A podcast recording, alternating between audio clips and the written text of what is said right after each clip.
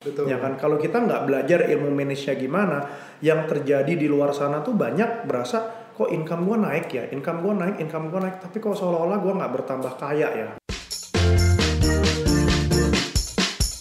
Hi guys, welcome back to Hot Days. How to find the ways with Levilo. Oke, ketemu lagi ya kita ke Robin ya. Iya, ketemu lagi dengan Pak Bordes. Saya ngobrol-ngobrol lagi dengan Ko Robin. Beliau merupakan salah se- salah seorang financial expert di Indonesia dan pertama kali saya ketemu Ko Robin ini di waktu itu di event Master Talk ya. Iya, betul, Robin ya, betul, Master Talk. betul Di sekali. sana Ko Robin sharing tentang uh, financial literacy. Betul. Tapi kalau nggak salah di sana lebih difokuskan ke perusahaan gitu ya. Iya. Jadi ada bedah bedah kasus segala macam dan bahkan dijelasin gimana caranya bisa memaksimalkan profit tanpa meningkatkan sales ya. Iya. Nggak salah seperti Betul. itu. Wah, itu Betul sangat-sangat sekali. luar biasa dan uh, para peserta dapat inspirasi sampai di foto-foto slide-nya gitu ya. Betul, betul, Pak. Oke. Nah, di sini Korobin sendiri kan eks- di expertnya di bidang finansial kayak Iya, gitu. betul. Dan uh, seberapa penting sih kecerdasan finansial dalam hidup kita sebagaimana kita tahu kan ada IQ intelektual, ada EQ emosional dan di sini mungkin FQ ya, financial quotient kayak gitu. Nah, dari Korobin sendiri seberapa penting sih uh, financial literacy untuk di hidup kita ini? Oke, untuk menjawab dari pertanyaan ini ya, saya analogikan begini. Kurang lebih kan sebenarnya kita dari muda nih, kita kan belajar berbagai macam ilmu ya. Eh, ada yang mengambil jurusan kedokteran, ada yang mengambil jurusan ekonomi, jurusan bahasa, jurusan apa pun itu. Ujung-ujungnya kan kita bekerja kan untuk mendapatkan income ya pastinya ya. Betul. Kita bekerja untuk mendapatkan income.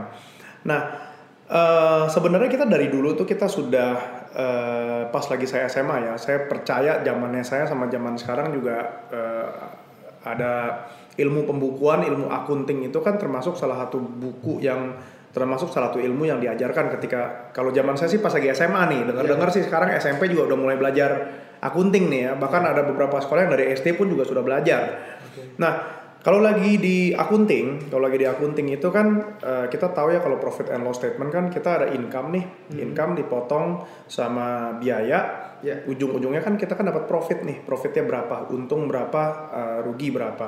Nah ibaratnya kalau saya analogikan eh, bagi bagi orang-orang yang tidak belajar ilmu keuangan, jadi mereka nih belajarnya misalnya ilmu kedokteran nih, sampai dia bisa jago eh, menyembuhkan berbagai macam penyakit lah dengan berbagai macam tindakan, dia bisa dapat income banyak nih. Dari dengan melakukan operasi kayak apa kayak apa kayak konsultasi income-nya banyak ya.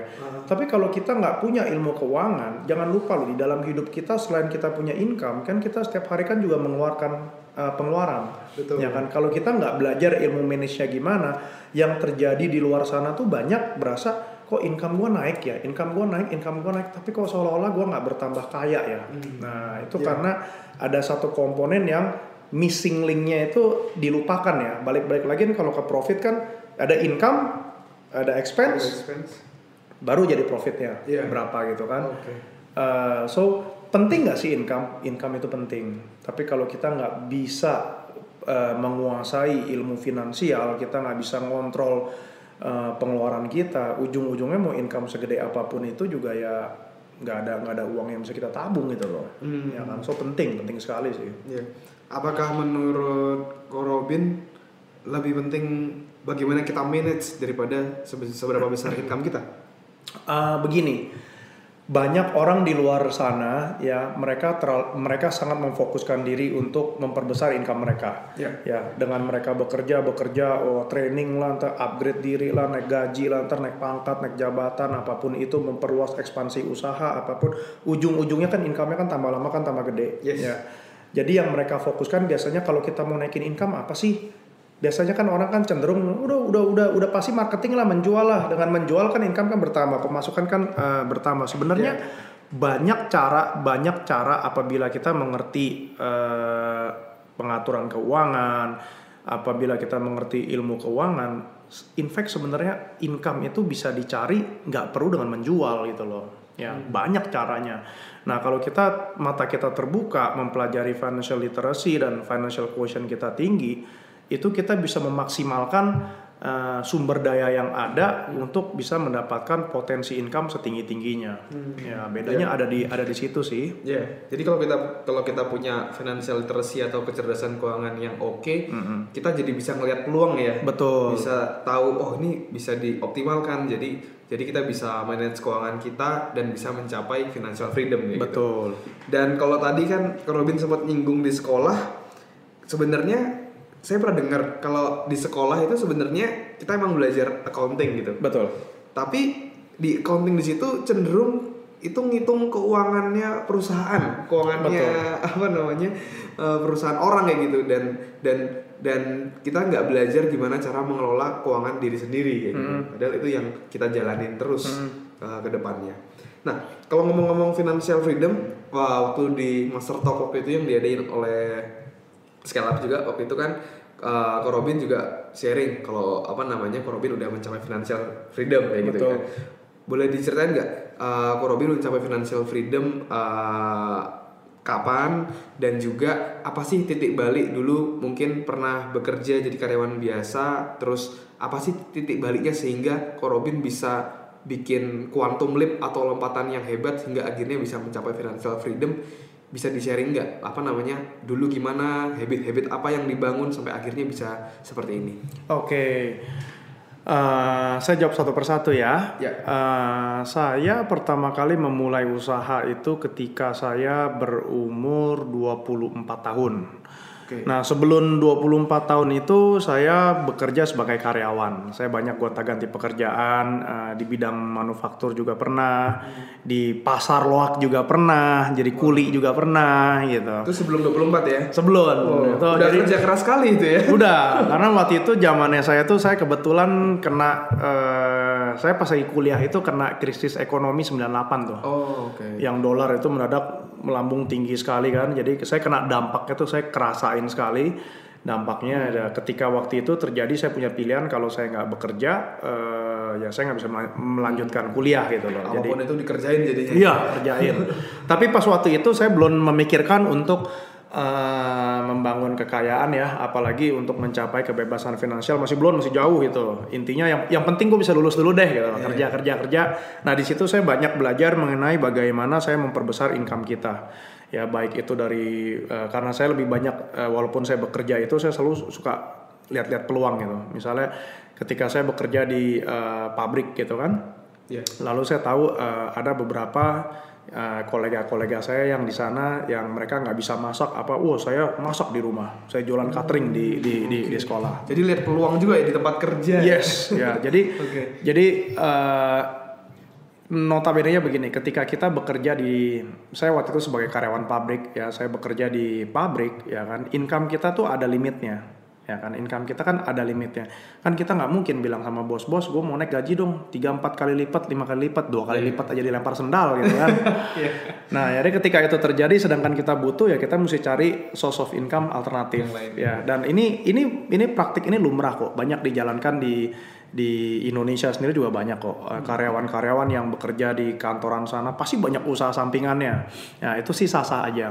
ya Ya, nah hingga satu titik itu eh, satu titik itu se- 2000 eh, 2004 saya mulai usaha. Waktu itu saya saya berumur sekitar 24 tahun, 23 24 tahun. Eh, saya rintis usaha itu. Eh, dari situ saya sudah mulai- belajar. Saya sudah mulai belajar mengenai eh, kebebasan finansial ya. Saya baca banyak dari buku Robert Kiyosaki ya, nanti buku-buku Uh, banyak yang mengutip yang yang khususnya streamingnya fokusnya tuh ke bidang finansial ya. Nah dari situ saya sadar dan lalu saya langsung uh, sudah bertekad bahwa ya udah mulai dari saat itu juga gue sekarang udah nggak mikirin cuman buat bayar uang kuliah doang kan udah kan udah lulus nih sekarang Iya. nih. ya. Gimana caranya biar gue bisa uh, se- secepatnya tuh bebas finansial gitu. Karena waktu itu ketika pertama kali mulai dunia usaha ya, itu saya masih ingat kok gaji saya tuh satu bulan tuh cuma 2 juta, lebih dikit lah, 2 juta lebih dikit pasnya berapa saya saya, saya udah lupa. Nah, eh, kalau saya bandingkan dengan biaya hidup saya yang waktu itu 2 juta lebih sedikit tuh kecil sekali.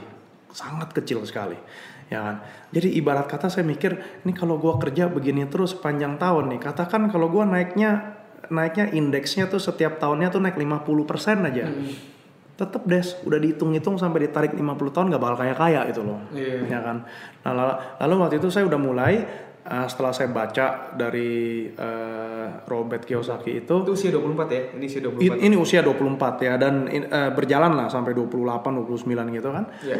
langkah pertama yang saya lakukan itu adalah setiap saya ada kenaikan income ya Ya. saya berusaha gaya hidup saya tuh saya samakan Oke. Ya, jadi kan katakan dari 2 juta setengah, eh, katakan gue makan di 2 juta setengah juga, ya ketika gaji gue naik jadi 5 juta, gaya hidup gue tetap di, di 2 juta setengah gitu. Hmm.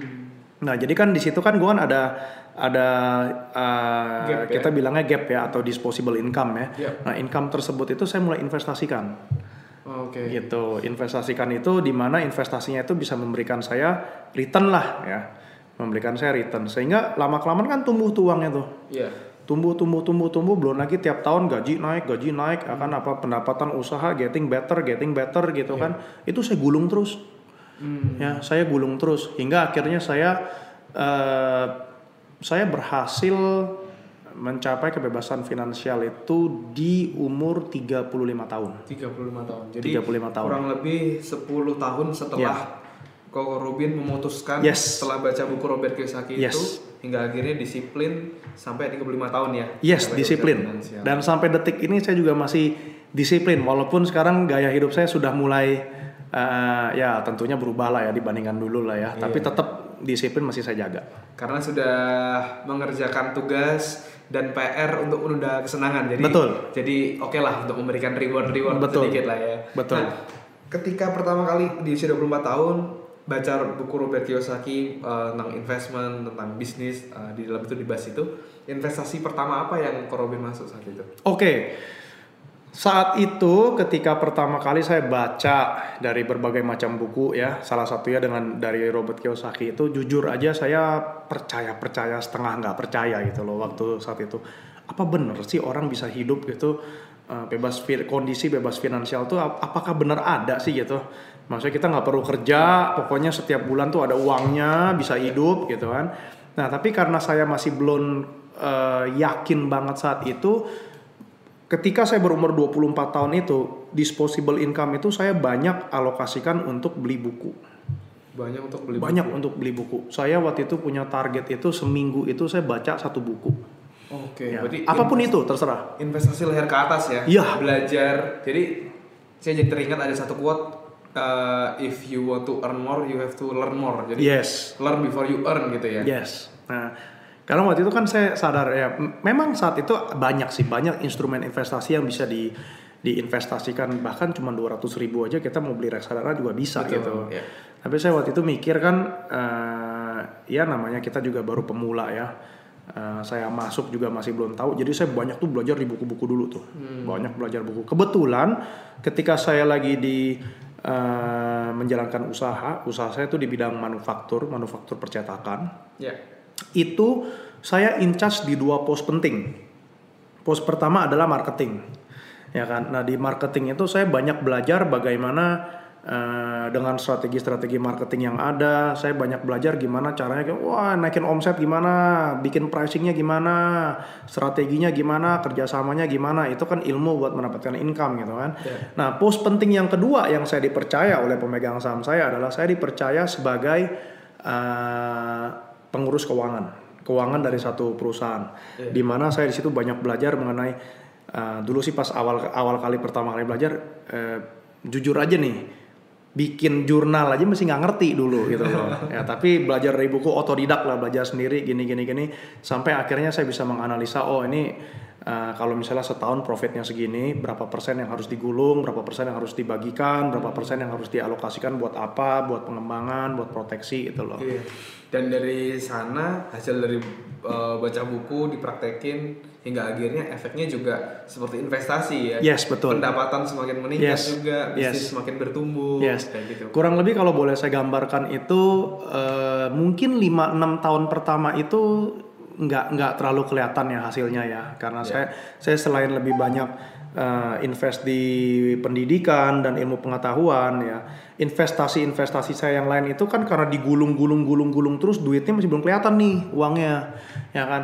Nah saya mulai kerasa itu mulai di kurang lebih tahun ke 6 tahun ke 7 itu saya udah mulai ngerasain tuh dampaknya tuh. Karena kan di sini kita kan ada yang namanya bunga bunga berbunga ya, dia Iya, gulung-gulung-gulung atau misalnya katakan misalnya perusahaan profitnya katakan 30% deh ya. Kalau 30% dapat profit, 30%-nya digulung lagi berikutnya buat modal kerja berikutnya. Iya. Ya 30% dari 30% kan semakin besar tuh. Lama-lama kan gulungnya kan semakin besar. Hmm. Ya kan? Hingga akhirnya di tahun tig- eh, di ketika saya berumur 35 tahun saya exit dari bisnis tersebut. Nah, dari situ saya mulai eh, melakukan investasi secara pribadi. Saya banyak main di properti, properti, properti, properti yang eh, ternak ya. Kita ternak propertinya, dapat passive income, dapat passive income sehingga saya bisa bebas finansial. Hmm, oke. Nah, saya ada pertanyaan lagi ini kok terkait tadi kan eh, sebelum akhirnya praktek untuk investasi, eh, Koko banyak baca banyak buku. Nah, ada buku-buku yang Koko bisa rekomendasikan nggak kepada para pendengar atau para penonton di sini? Eh, buku-buku apa yang menurut Koko bagus dan life changing buat Koko dari segi finansial? Oke, kalau dari sisi finansial eh, banyak ya, banyak banyak sekali buku-buku yang bagus. Nah, tiga atau lima buku. Iya, eh, ini balik lagi tergantung dari fase-fasenya, fase-fasenya. Ketika dulu buat for a starter, buat pertama kali yang masih belum pernah terekspos di eh, dunia bagaimana kita membangun kekayaan kita, bagaimana kita mengejar financial freedom kita. Hmm, mungkin untuk buku- buku-buku yang masih beginner itu mungkin Robert Kiyosaki itu yang cash flow quadrant. Saya Flow Quadrant. Ya, saya rekomen di cash flow quadrant. Saya waktu itu dapat insight-nya tuh dari cash flow quadrant. Insight apa yang yang masih teringat sampai Koko sampai sekarang dalam buku itu apa? Eh, yang masih teringatnya kan eh, menurut Robert Kiyosaki kan cara orang mendapatkan income kan dibagi jadi empat kuadran ya. Yes. Eh, ada yang dari employee atau karyawan, ada yang dari self employed atau memperkerjakan diri sendiri, ada yang dari sisi bisnis, ada yang dari investor ya. Iya. Nah, kuadran mana pun yang kita injak, eh, kok injak sih? kuadran mana pun yang di mana kita Posisi berada, situ, ya, ya. selalu pegang kuadran investor. Selalu pegang kuadran investor. Iya, selalu pegang kuadran investor. Jadi maksudnya kalau kita cuman eh, tentunya kan kita nggak bisa maksain eh, satu individu eh, eh udah deh biar cepet kita do bisnis aja gitu kan. Bi- du- eh, buat buat jadi seorang entrepreneur bisnis itu nggak nggak gampang juga mentalitasnya harus ada, knowledge-nya harus ada, proses jatuh bangunnya, Betul. jatuh bangun itu kan termasuk salah satu proses untuk membangun kekayaan. Bisa nggak kita eh, bangun dari jatuh yang udah kita alamin gitu loh. Dan itu suka nggak suka nggak semua orang bisa gitu. Nggak semua orang punya mentalitas di angka eh, di di kuadran tersebut. Tapi bukan berarti kalau kita di kuadran karyawan itu kita nggak bisa bebas finansial ya termasuk istri saya sendiri itu sebenarnya di plot ketika waktu itu nih eh, saya dengan istri saya punya keuangan yang terpisah ya jadi walaupun suami istri tapi punya kita menganut sistem keuangan yang terpisah ya Oke. Saya ngambil di kuadran B atau bisnis istri saya ngambil di kuadran, di kuadran eh, E ya atau employee atau karyawan. Tapi istri saya juga bisa bebas finansial juga. Ya so jadi cash flow kuadran dari bukunya Robert Kiyosaki itu termasuk menurut saya buku beginner yang paling powerful. Oke. buku itu udah membuktikan bahwa di kuadran mana pun kita tetap bisa bebas finansial selama kuadran investornya itu tetap dipegang ya jadi jangan berdiri di satu kuadran minim-minim dua lah yang I itu harus Itu harus. I Jadi, itu harus Bisa dibilang kita di jalan yang tepat untuk mencapai financial freedom adalah ketika kita memutuskan untuk jadi investor. yes Mulai di sana ya. yes Nah, betul Tadi kalau tadi kalau tadi diruntut dari 24 tahun mulai baca buku investasi leher ke atas. Hmm. Nah, itu lang kalau setelah setelah investasi leher ke atas, instrumen investasinya Koko apa? Apakah ke saham dulu kah atau ke reksadana atau langsung ke properti atau gimana? Oke, eh, kalau waktu itu, waktu saya masih berumur 24 tahun, ketika saya mulai merintis bis bisnisnya juga masih kecil tuh, Masih kecil ya. masih home industry yang mesinnya juga masih mesin mesin mesin rongsokan deh yang ceritanya modif modif sendiri deh gitu kan, Modif sendiri. modif modif sendiri gitu. Nah, Uh, waktu itu yang saya lakukan karena gaji saya memang kecil ya. Selaku selaku saya sebagai pemilik bisnis waktu itu mindset saya adalah gaji nggak perlu gede-gede yang penting cukup untuk makan cukup untuk pulang gitu kan. Itu udah cukup. Sisanya tuh saya aktif gulungnya tuh di bisnis Iya. ya. Tapi kalau istri saya uh, karena dia di kuadrannya employee ya kan uh, di mana-mana nih biasanya nih kalau buat startup ya buat perusahaan startup ya Iya. itu gaji karyawan bisa lebih besar daripada gaji ownernya nah, Iya. Nah, istri saya yang yang gajian notabene penghasilan bulanannya pasti lebih besar daripada saya. Waktu itu dia pilih eh, instrumennya tuh di reksadana. Reksadana. Waktu itu dia pilihnya di reksadana. Jadi dia rajin aja nabung, nabung di reksadana. Ketika saat itu udah sampai lama-lama sudah mulai eh, banyak ya. Iya. Hingga sampai poin tertentu itu saya lupa tahun 2010 apa tahun 2011 ya kurang kurang lebih seperti itu. Ya. Eh, tentunya kan kalau bisnis udah mulai maju udah lewat siklus lima tahun enam tahun udah mulai kelihatan. Ya saya juga nggak mau dong digaji 2 juta terus terusan dong Iya, betul, ya kan? gaji udah mulai naik ya kan?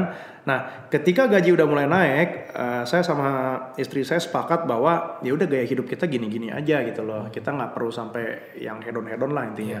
Nah di situ saya memperlakukan sistem perpajakan Iya. jadi income saya berapa persen saya pajak, istri saya berapa persen saya pajak. Oke. Nah itu dipakai buat nyicil properti. Oke. Nah, jadi ketika udah fasenya udah mulai naik, instrumen saya sudah mulai berubah. Nah, saya mulai masuk ke fase properti. Hingga akhirnya ketemu satu titik di mana properti tersebut lunas.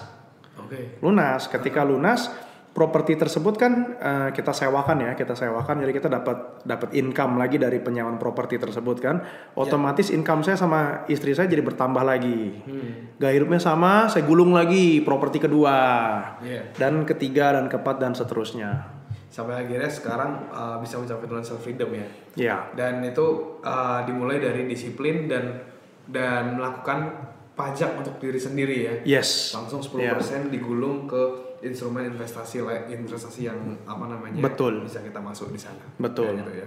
Berarti sekarang uh, udah ada berapa banyak investasinya Ko Robin? Investasi Saat ini- saat saat ini, ini udah- dibandingkan yang dulu-dulu ya saat ini pastinya jauh lebih banyak ya. Eh, properti juga udah lumayan lah properti. Lumayan ya. Properti begini gini. eh, dulu ketika awal-awal ya investasi itu saya ngitung ya, jujur saya ngitung nih. Ya. Eh udah udah udah dapat satu nih propertinya nih. Eh terus mulai lagi sama istri saya, yuk kita mulai nyicil yang kedua ya. Lalu eh, dapat lagi yang kedua dan yang ketiga ya. Lalu saya ikut ke satu pelatihan khusus. Eh, pelatihan tersebut benar-benar mengajarkan eh, bagaimana menjadi properti investor yang baik, yang cerdas gitu ya. Nah semenjak saya ngikut pelatihan itu banyak belajar tuh, belajar cara-caranya yang wah bener-bener mind blowing banget deh tuh caranya. Akhirnya saya bisa mengakuisisi properti dalam eh, dalam periode waktu yang singkat, tapi propertinya banyak begitu. Hmm. Nah, dengan cara-cara yang diajarkan itu, ya kan? Eh, saya pernah di satu tahun itu saya bisa mengakuisisi 13 properti. Satu 13 tahun, properti 13 satu tahun. properti. Berarti kalau diambil rata-rata tuh ya sebulan beli satu, sebulan beli satu, sebulan beli beli satu gitu. Hingga sampai satu titik ya saya udah nggak pernah ngitung lagi. Ya, saya udah nggak udah buat saya udah nggak udah nggak penting lah ngitung-ngitung eh, kuantitinya berapa gitu. Tapi cukup signifikan untuk eh, keluarga saya lah. Pasif pasif income dari properti ya sudah lebih dari cukup untuk menutupi biaya-biaya kehidupan keluarga kami. Di sini eh, apa namanya? Menurut saya kayaknya Korobin ini ya emang doyan gitu sama properti kayak gitu. Kenapa properti jadi instrumen yang mungkin menurut Korobin dan tanda kutip seksi gitu buat Oh, seksi. Oke, Why- good. Why properti? Why property ya? Eh, sebenarnya gini, sebenarnya untuk ya, instrumen investasi masing-masing instrumen itu ada kelebihannya dan ada keuntungannya masing-masing ya. Ada kelebihan, ada ada ada kerugiannya masing-masing. Maksudnya ada advantage dan dis, disadvantage-nya. Eh, kalau misalnya kita mau ngelihat dari sisi masif income-nya, income-nya besarnya, ya tentunya lebih baik kita investasinya di bisnis aja. Karena bisnis itu di dalam bisnis itu faktor-faktornya tuh sangat banyak ya key komponennya tuh banyak bisa dari penjualan bisa dari bisa dari jual saham, bisa bisa jual merchandise sendiri, bisa wah macam-macam deh. Itu banyak peluangnya. Iya. Nah, tapi di bisnis juga resikonya juga gede juga gitu. Jadi biasanya biasanya kalau ada kata pepatah eh, high risk high gain ya sebenarnya saya setuju dengan dengan pepatah segitu ya. Tapi kalau kita jadi investor yang cerdas ya nature-nya kan begitu, alamiahnya kan begitu. Kalau resikonya tinggi pasti eh, tingkat pengembalian hasilnya pasti lebih tinggi ya. Na- Naturalnya begitu. Tapi kalau kita investor yang cerdas, kita bisa tekan kita bisa tekan dalam arti kita bisa minimize resikonya untuk mendapatkan potensi income yang lebih besar. Nah, indahnya di properti adalah indahnya di properti adalah properti itu menurut saya adalah salah satu instrumen investasi yang paling aman dan stabil Instrumen paling Ya. aman dan, dan, stabil. Ya, stabilnya begini. Kita lihat begini kayak misalnya bisnis. Ada kan orang yang bangun bisnis dalam 1-2 tahun langsung jadi uh meroket bisnisnya. Tapi Ya. ada juga yang bangun bisnis belum sampai satu tahun udah kolaps duluan, Iya. ya kan. Begitupun juga dengan saham ya. Saham juga kan ada yang begitu masuk satu hari langsung buer meroket, ada juga juga langsung boncos juga ada. Iya. Nah kalau properti itu cenderung stabil bordes. Hmm. Jadi stabilnya dalam arti kapan sih kita pernah dengar eh, properti harganya katakan 1 m dalam waktu satu tahun berubah jadi 200 juta? Kayaknya jarang deh. Jarang Ya, banget. jarang banget ya. Ada fluktuatif tetap ada ya 1 m 900 juta, 800 juta atau 1,2. Jadi cenderung lebih stabil. Ya. Iya. Dan income-nya juga cenderung lebih stabil dan risiko keamanannya juga kita beli properti kita pegang sertifikat. Kalau caranya bener ya, Iya. jangan beli tanah bodong nih. Kalau belinya benar, beli properti dapat sertifikat, ya kan. Even sertifikatnya itu sendiri pun bisa diagunkan ke bank. Bank yang notabene mau memberikan pinjaman dengan kolateral sertifikat, eh mau gitu loh. Berarti kan terbukti bahwa sertifikat properti itu bisa diterima di kalayak umum, ya kan, di kalayak umum. Itu sih saya eh, eh, waktu itu memutuskan untuk terjun di properti adalah seperti itu. Alasan lainnya adalah kalau di properti itu eh, buat tingkat ke pasif in bilangnya gimana ya? Tingkat Tingkat passive income. tingkat pasif income-nya itu lebih mudah Lebih mudah Pak. dibandingkan bisnis ya. Jadi kalau ada orang bilang bisnis gue bisa autopilot, bisa gini-gini, bener ya? Bisa, bener bisa, bukan yang nggak bisa. Tapi itu bukan sesuatu hal yang yang gampang gitu loh. McDonald perlu waktu bertahun-tahun untuk bikin bisnisnya autopilot gitu loh. Iya. Kalau kalau properti itu cenderung lebih gampang ya. Eh, properti itu saya misalnya beli properti, eh, saya tinggal jalin kerja sama sama agen-agen, agen-agen yang manage propertinya, propertinya disewakan, udah saya tinggal duduk manis di di rumah Iya. gitu loh. So jadi tingkat penyewa ya. tingkat ke pasif income-nya lebih gampang. Hmm. Kalau saham, ya pasif income nggak coba dipikir deh. Kalau kita beli saham, ya apalagi kalau belinya dalam quantity dan dalam nominal yang besar, setiap hari nggak bisa tidur des. Hmm. Ngelihat fluktuatif, kalau naik seneng, kalau turun udah jantungan, ya Iya, kan. Kalau iya. properti adem ayem aja itu. Iya. Ya, Karena itu. tadi stabil, Stabil. cenderung naik. Iya, kan kalau misalnya eh, harga sewa nih, misalnya bulan ini katakan eh, katakan 10 juta deh misalnya. Iya. Kan jarang banget terjadi bulan depan mendadak drop langsung 2 juta. Enggak. Paling 10 juta paling 9 juta setengah gitu. Jadi relatif stabil lah, relatif stabil. Iya. Gitu Tapi sih. Oke juga ya. Iya. Nah, wak- eh, waktu itu saya juga pernah dengar eh, di dari YouTube maupun dari waktu itu event Master Talk itu. Hmm. Di situ Korobin cerita bahwa Korobin merupakan seorang properti investor tapi belum punya properti sendiri untuk tempat tinggal kayak gitu. Oh Nah iya. itu itu ada pertimbangan apa di balik itu karena kebanyakan orang dan juga eh, kayak orang tua saya juga bilang kalau pokoknya harus punya rumah. Nah sedangkan Kerobin sendiri yang financially free memutuskan untuk belum punya rumah tinggal kayak gitu, rumah sendiri kayak gitu untuk ditinggali. Iya. Pertimbangannya apa tuh? Betul. Jadi begini, eh, ini sebenarnya saya belajar sih eh, teorinya sih dari balik lagi dari bukunya Robert Kiyosaki Oke. ya. Dia sempat ada satu statement eh, yang notabene kurang lebih artinya seperti ini bahwa rumah yang anda tinggali itu adalah sebenarnya bukan aset gitu. Itu itu teori dari si Robert Kiyosaki karena kalau rumah yang kita tinggali pasti kan timbul beban. Pasti kan nanti ya ada bocor-bocor kita mesti benerin, kita mesti apa. Nah, ter, terinspirasi dari teori itu lalu saya coba mikir apa benar sih, ya kan. Nah, selama ini saya ketika saya melakukan investasi itu setiap kali investasi properti itu saya eh, selalu properti yang saya beli itu ujung-ujungnya saya sewakan. Jadi saya nggak pernah tinggal, Des. Bener-bener nggak pernah tinggal. Pernah sekali kalau lagi properti tersebut dalam keadaan kosong, ya, di mana belum ada yang nyewa. eh, kebetulan saya sama istri saya juga lagi nggak tahu mau liburan ke mana, yang hemat gimana. Anggap anggap aja itu villa villa deh gitu. Nah, padahal sebenarnya kan properti biasa gitu. Saya Iya. ke sana nginep sehari dua hari doang gitu. Tapi kita tidak tinggal di di di sana. Nah, saya langsung kasih eh, contoh konkretnya aja ya.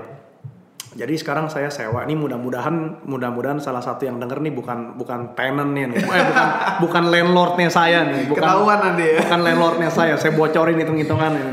Gimana tuh hitungannya kok? Jadi saya cari satu rumah hunian ya. Eh, a- areanya saya saya sensor aja ya areanya ya. ya.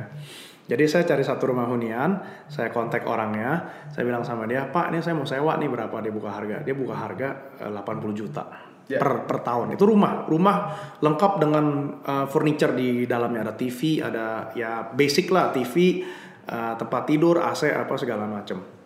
Ya, 80 juta. Lalu saya tanya, Pak, kalau misalnya ini dijual nih sekarang nih, ini saya saya lagi mikir nih, ini dijual itu eh, kira-kira bapak mau jual di angka berapa ya? Ya, dia buka tiga setengah m, ya, tiga setengah m, tiga setengah miliar. Ya memang itu memang itu adalah pasaran saat itu. Saat itu memang harganya ya pasarannya sekitar tiga setengah m. Nah waktu itu kan saya mikir nih, eh, kalau uang saya sendiri yang sebesar tiga setengah m itu saya juga berinvestasi properti tapi wilayahnya lain, beda daerah. Itu satu tahun itu memberikan saya penghasilan tuh kurang lebih tuh sekitar eh, 11 persen, 11 persen berapa tuh? Tiga setengah ya kurang lebih sekitar 380-an juta lah, sekitar 380-an juta Dalam se- satu tahun. Satu, ta- ya, satu tahun. Satu tahun. Oke. Ya. Jadi kan saya bilang sama istri saya kalau gitu yang ini sewa aja 80 juta, tiga setengah m taruh di tempat lain, memberikan saya penghasilan 380 juta, Nah, 80 jutanya dipakai untuk buat bayar sewa, 300 jutanya kan jadi uang jajan. Iya. Dan Lumayan jajan 300. lumayan dibagi dibagi 12 kan satu berapa tuh? Dibagi 12 kan jatuhnya berapa 25 juta ya? 25 jutaan. Ya, 25 juta kan? Lumayan banget. lumayan kan 25 juta buat biaya hidup gitu kan. Iya. Nah, terus waktu itu istri saya bilang, iya tapi kalau kita nggak beli rumah, artinya kita nggak bisa nikmatin kenaikan tanah dong. Saya bilang siapa bilang itu kan yang tiga setengah m saya parkir di properti lain kan naik juga Naik tanahnya. juga. Jadi sama-sama oke. Iya. Nah timbullah ketika kita tinggal di situ, ya kan, lalu eh, mulai nih tembok nih, mulai Iya. bocor, ya, Aduh. mulai retak, mulai apa. Saya kan tinggal telepon landlordnya doang. Iya. Pak ini bocor nih, tolong dong dibenerin, dibenerin. Kan saya kan nggak keluar kos apa-apa itu. Iya. Itu sih, idenya tuh saya asal muasalnya tuh dari situ dan saya coba sini dan ternyata benar. Itu bener ya. Iya, sampai detik ini saya nggak punya rumah. saya nggak punya rumah hunian yang saya tinggal sendiri. Wow. Ya. Jadi eh, diinvestkan ke properti yang menghasilkan tadi ya passive income Iya, ya, bisa passive income, income yang cukup besar dan itu dibuat untuk sewa dalam setahun Ya. dan masih ada sisa 300 juta buat uang jajan. Wah, luar Yes. Itu juga bisa dibuat DP properti lain juga mungkin ya. Betul. Iya gitu ya. Betul. Dan dan bahkan saya pernah kepikiran begini, Des. Heeh. Eh, ini kepikiran, tidak saya jalankan. Tapi Ya. saya kepikiran eh, kalau misalnya landlord ini mau saya ikat kontrak panjang lima tahun, Iya. itu 80 juta bisa turun ke 60 juta, Des. Uh. Ya, dan saya masih minta persyaratan yang lain yang "Eh, TV-nya dong, jangan 32 inci dong, yang 52 inci kenapa sih? Gitu. Iya. Biar betah nih 5 tahun Iya, nih. kan, kan saya mau tinggal lima tahun, Iya. gitu kan. Nah itu itu eh, ya bayangin aja kalau saya turun dari 80 ke 60, saya ada ekstra 20 juta setiap tahunnya, Iya. ya kan. Nah Tambah plus lagi, fasilitas di dalam-dalamnya gitu Iya. loh. Ya so jadi sempat kepikiran itu tapi saya nggak jalanin. Kenapa? Enaknya sewa itu juga ada satu keenakan des. Heeh. Ya kalau udah bosen pindah. kalau punya rumah sendiri bosen mau pindah mesti jual, Mesti jual susah dulu. gitu loh. Iya. Gitu sih pertimbangannya. Ini kalau di Indonesia emang jatuh banget ya, dalam tanda kutip jatuh banget ya kalau antara beli rumah sama sewanya di Indonesia emang apakah emang serendah itu? Eh, basically sebenarnya tergantung daerah sih ya. Eh, tergantung daerah sih. Biasanya kalau daerah-daerah yang padat, yang udah padat, eh, kota-kota besar gitu, biasanya harga tanahnya kan cenderung tinggi. Hmm. Karena harga tanahnya dia udah cenderung tinggi, tapi harga sewanya kan nggak mungkin bisa ngikutin Ya. harga tanahnya gitu kan. Kalau disewanya terlalu tinggi nggak ada yang mau nyewa gitu kan. Iya. Jadi sebenarnya daya sewanya tuh maksudnya daya properti tersebut bekerja itu sebenarnya jadi nggak efisien gitu loh. Hmm. Ya kan. Lebih bagus main di daerah-daerah. Daerah-daerah ya. Hmm. Iya. Harga tanahnya masih rendah-rendah. Iya, dan apa namanya? Saya juga baru praktek gitu kan. Saya ambil yang di Bekasi karena Iya. waktu itu dapat insight dari uh, Korobin kalau Hmm.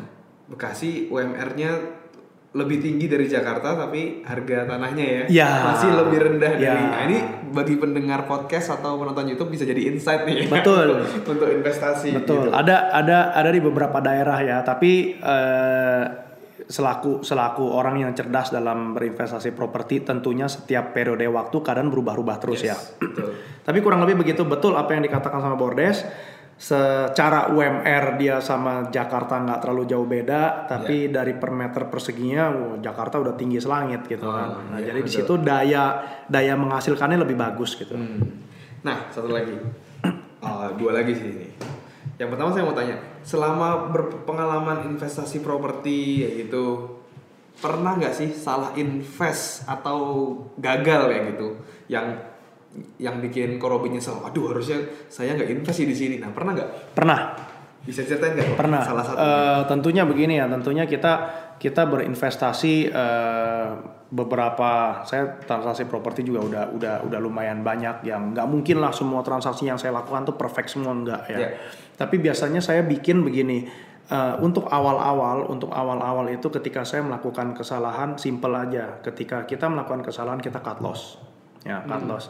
Namanya udah salah, namanya udah cut loss. Artinya kita exit dalam keadaan rugi Iya. ya kita exit dalam keadaan rugi ya tapi paling nggak kita exit gitu loh. Ya Ya, misalnya katakan kalau dituangkan ke angka masuk 1 m ya oh udah deh rugi deh exit 800 juta ya udah kita rugi 200 juta gitu kan.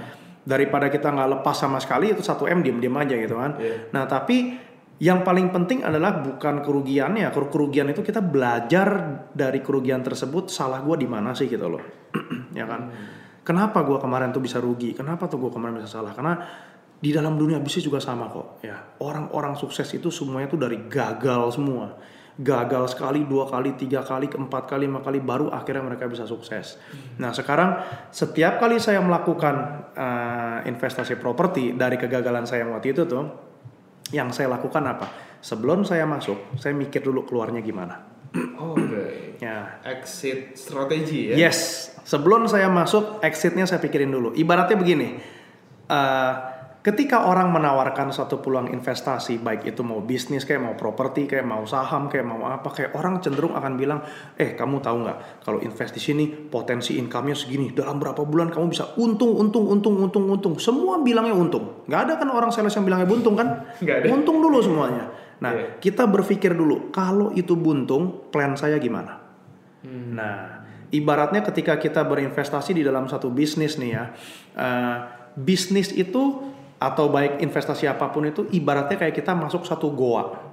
Dibilang sama orang, kalau kamu masuk ke goa itu, di dalam situ tuh ada harta karun emas, tapi goanya gelap. Iya. Kamu mesti bawa obor sendiri, masuk ke dalam sendiri ya. Iya. Nah, terlepas di dalamnya ada harta karun emas apa enggak, kan nggak ada yang tahu, Des. Tuh. Kita kan cuma dengar dari orang, bisa aja orangnya bohong.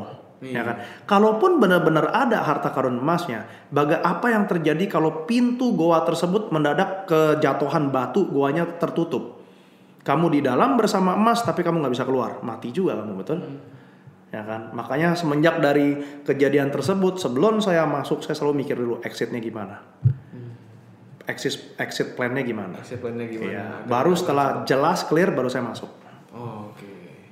Ya itu itu penting karena biasanya bu, saya pribadi juga pernah salah dalam kutip salah invest kayak gitu kayak dulu pernah ada penawaran yang apa investasi apa investasi ke A tiap bulan akan dikasih satu persen satu persen Yes. satu persen Yes. seperti itu karena terbawa euforia akhirnya nggak berpikir logis exit exit plan gimana akhirnya loss nah, Yes. itu yang yang harus di apa namanya dicegah gitu Yes. ya Pak ya Ya ini sat- salah satu eh, unsur yang paling penting yang perlu diperhatikan adalah namanya juga investasi. Investasi itu nggak ada orang yang bisa 100% yakin bahwa eh eh, ini nanti by periodnya segini segini segini untungnya segini itu pasti nggak ada. Kalau memang udah pasti mau ngapain dia ngajak-ngajak orang investasi dia aja yang investasi sendiri. iya Ya kenapa kan? dia nggak masuk sendiri Oh Oke. iya, kenapa dia nggak all in gitu kalau memang pasti. Nah karena investasi itu kita di investasi itu kita cuman bisa eh, kalau saya sih eh, persentase risiko sama persentase keuntungan itu berat mana. Kalau berat risiko ya saya tinggal. Kalau misalnya bagusan potensi keuntungannya lebih gede ya saya teruskan. Tapi kalau risiko ini terjadi apa yang harus saya lakukan gitu loh. Kita prepare exit exit strateginya kita prepare minim minim exit strategi saya adalah saya bisa tarik modal tanpa rugi minim minim minimal itu ya minimal.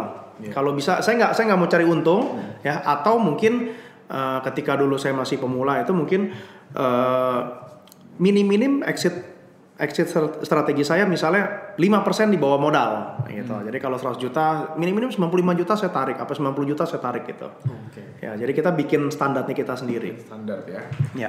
Nah, itu tadi kita uh, ngobrol-ngobrol banyak juga tentang investment, properti. Oke, nah sekarang uh, terakhir ini kalau misalnya nih di depan Koko ada anak muda, ibaratnya dia baru fresh graduate, terus dia baru bekerja begitu. Nah, apa tips-tips atau pesan-pesan atau nasihat-nasihat yang Koko bisa berikan karena Koko sudah mencapai di titik financial freedom. Nah, ibaratnya mereka juga ingin di titik yang sama seperti Koko. Apa yang bisa dia lakukan? Apakah dia harus bikin bisnis juga? Apakah harus apakah tetap di karyawan juga nggak apa-apa bisa mencapai titik yang sama atau gimana dari Koko? Oke, kalau dari saya eh, kalau dirangkum jadi satu kata aja, saya akan bilang sabar. Sabar. sabar aja ya. Oke, kenapa? Eh, untuk mengejar kebebasan finansial itu nggak mudah ya dan dan kita nggak bisa bilang bahwa oh ini jalan gue begini begini begini kalau lo orang ikutin gue udah pasti nanti bisa bebas finansial belum tentu juga ya setiap orang itu punya karakter masing-masing punya style masing-masing sumber dayanya masing-masing kayak misalnya istri saya. Istri saya saya saya selaku entrepreneur saya percaya bahwa cara yang terbaik cara yang tercepat untuk mengejar kebebasan finansial ya lewat bisnis ya. Tapi saya suruh saya minta istri saya untuk do bisnis ya dia nggak bisa karena memang style bukan bukan di arah sana ya. Iya. nah yang kedua adalah eh, setiap orang itu punya momentum yang berbeda-beda ya. Kadang-kadang ada orang yang baru mulai usaha plak plak plak plak. Eh langsung ketiban darah investor banyak. Kebetulan semesta mendukung deh ekonomi lagi bagus apa segala dalam waktu jadi gitu loh. Tapi ada orang yang udah kerja bertahun-tahun tahun-tahun itu eh, mungkin masih belum jadi-jadi gitu.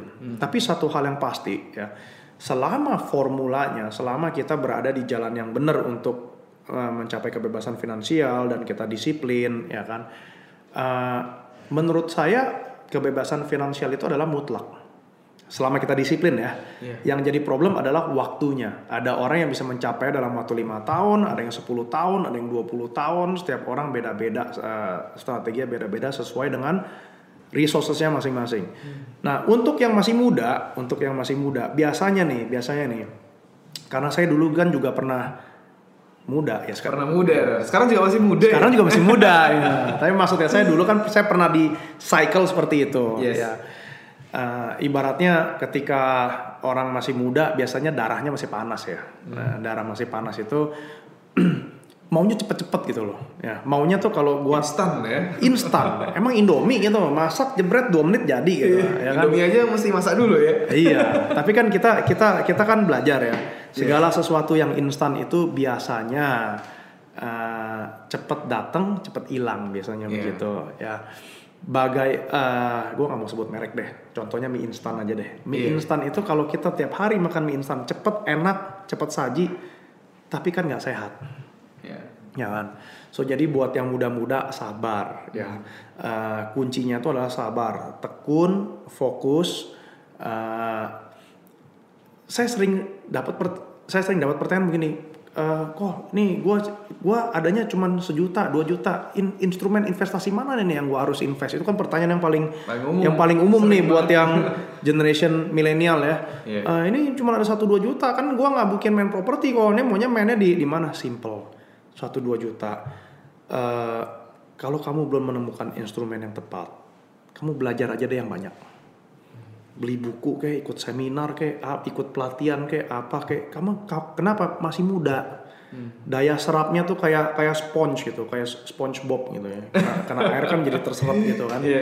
jadi daya belajarnya daya juangnya masih tinggi ya kan. Kalau bisa ambil instrumen investasi investasi yang lain go ahead tapi saya ingatkan buat pemula yang baru mulai-mulai investasi, jangan takut. Suatu saat nanti Anda pasti akan gagal. Karena saya juga dulu sering gagal, gitu kan. Makanya invest lebih banyak di edukasi dulu Edukasi ya. dulu. ya. Kalau saya sih dulu di edukasi. Kalau mau lebih cepat sambil edukasi sambil nyambi nyoba-nyoba. Tapi jangan nyoba yang gede-gede ya. Kalau gajinya baru misalnya baru 5 10 juta langsung investnya 9 juta jangan dulu. Coba yang kecil-kecil dulu. Kenapa? Karena Anda pasti akan gagal. Ya kan? Lama kelamaan Anda jadi pinter, jadi pinter. Nah, ketika sudah mulai nguasain, resourcesnya udah mulai terbuka, network sudah mulai banyak, ilmu udah mulai tinggi, boleh di-upgrade pelan-pelan. Oke.